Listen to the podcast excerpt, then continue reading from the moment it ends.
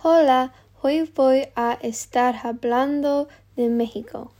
La capital de México es la Ciudad de México.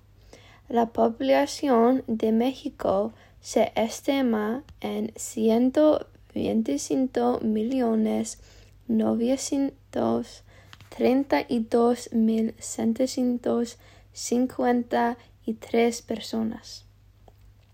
México se encuentra en América del Sur.